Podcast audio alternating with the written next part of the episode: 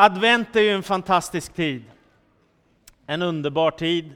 Jag vet inte hur det är med dig, men åtminstone är det så för mig att när november kommer och mörkret lägger sig och så kommer de första snöflingorna och så blir det plusgrader och så blir det slask.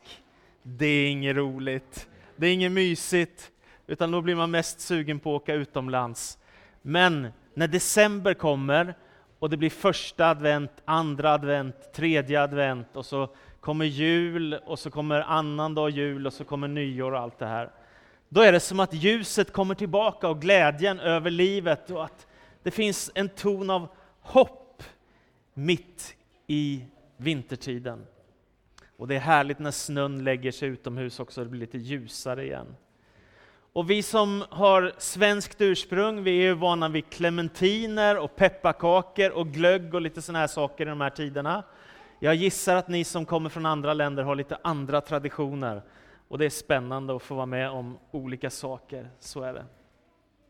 Vad handlar advent om? Advent handlar om Jesus, om vem han är och det som han gör. Det är en helg då kyrkor är fyllda över Sverige och mängder av människor lyssnar till evangeliets budskap om vem Jesus är och vad han gör och vad han står för. Lovsången stiger till hans namn. Jag kan lägga på första bilden. I Johannes evangeliet när man läser det så kan man se att Jesus han tar sig upp till Jerusalem vid påskhögtiden. Och det här är en fascinerande stad, flera av er har säkert varit där som har satt så djupa avtryck i historien. Och det har att göra med att Jesus kommer till Jerusalem vid påsktiden. Det som berättas i evangelierna precis innan Jesus rider in i Jerusalem, det är att han bryter upp ifrån Jeriko och sen så vandrar han tillsammans med en stor folkhop av människor. Och så kom, ska jag byta mick? Så vandrar Jesus med en stor folkhop och han tar sig från Jeriko mot Jerusalem. Och när han gör det så händer något väldigt speciellt. Det sitter nämligen en blind tiggare längs med vägen och han heter Bartimaios. Och när han hör att det kommer en stor skara av pilgrimer som är på väg till Jerusalem så börjar han ropa Jesus, Davids son, förbarma dig över mig. Folket blir ju arga och upprörda. Varför ska Jesus stanna vid dig, en tiggare? Han har väl inte tid med dig? Ungefär så. Så de säger, tyst med dig Bartimaios. Men då ropar Bartimaios ännu högre. Jesus, Davids son, förbarma dig över mig. Och Jesus hör det där ropet och säger, kalla, kalla på honom, kalla till honom till mig. Och sen säger Jesus, vad vill du att jag ska göra för dig? Och då säger han, Rabboni, Rabbi, gör så att jag kan se igen. Och Jesus lägger sina händer på Bartimaios ögon och han får sin syn tillbaka. Det sker ett mirakel. Och det som jag aldrig har tänkt på förut i den här texten, det är att det står att sen vandrade Bartimaios tillsammans med Jesus och den stora folkhopen mot Jerusalems stad för att få vara med på den stora högtiden. Jag tycker det är fantastiskt. Det har aldrig slagit mig förr. Men någonstans i den där hopen av mängder av människor så går en före detta blind tiggare som har fått sin syn igen därför att han har mött Jesus ifrån Nasaret. Jesus, Davids son, förbarma dig över mig så står det i Sakarja 9 och 9. Ropa ut din glädje, dotter Sion. Jubla du dotter Jerusalem, se din konung kommer till dig. Rättfärdig är han, seger är honom given. I ringhet kommer han, ridande på en åsna, på en ung åsnehingst. Jag ska förinta alla stridsvagnar i Efraim, alla hästar i Jerusalem. Krigets vapen ska förintas. Han ska förkunna fred för folken och hans välde ska nå från hav till hav från floden till världens ände. En gång, 500 år före Kristus, så fanns det en profet som hette Sakarja. Och det är Sakarja som uttalar de här orden att en dag så ska det rida in en man i Jerusalem och då kommer det hända saker. Inte sedan kung Salomos dagar har det här hänt. Det är alltså 900 år sedan någon har ridit in på en åsna i Jerusalem. Nu gör Jesus det igen och folket fattar ju direkt vad det är som händer eftersom de vet att den här profetian finns i Gamla Testamentet. Så helt plötsligt när de ser det som händer, att Jesus ber några lärjungar hämta en åsna och Jesus sätter sig på åsnan och börjar rida in mot Jerusalems stad. Då börjar folket skära kvistar ifrån träden, de lägger sina mantlar på marken för honom och så börjar de ropa som det står i psalm 118.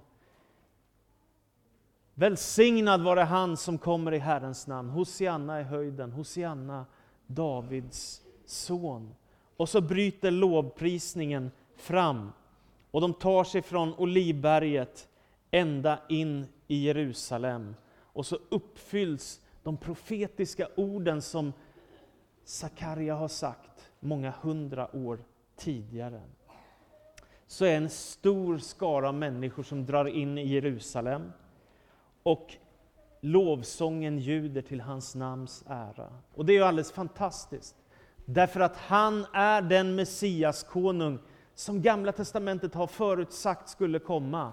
Så nu när han rider in i Jerusalem så blir det fullt upplopp och alla funderar på vem är det som kommer ridande på en åsna, precis som det står hos profeten Sakarja, med en stor folkhop och med Hosianna-rop kring sig.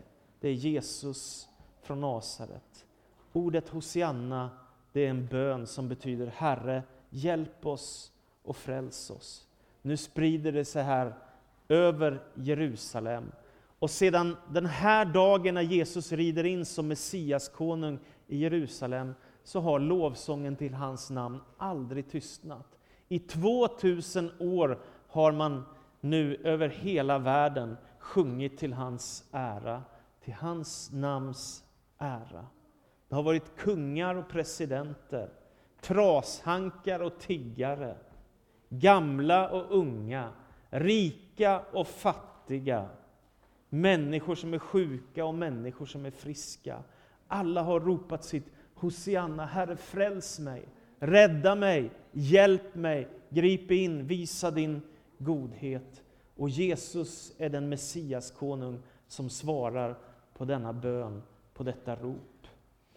Hundratals miljoner av människor har sitt starkaste fäste i Jesus och i hans frälsning, i hans godhet, i hans kraft.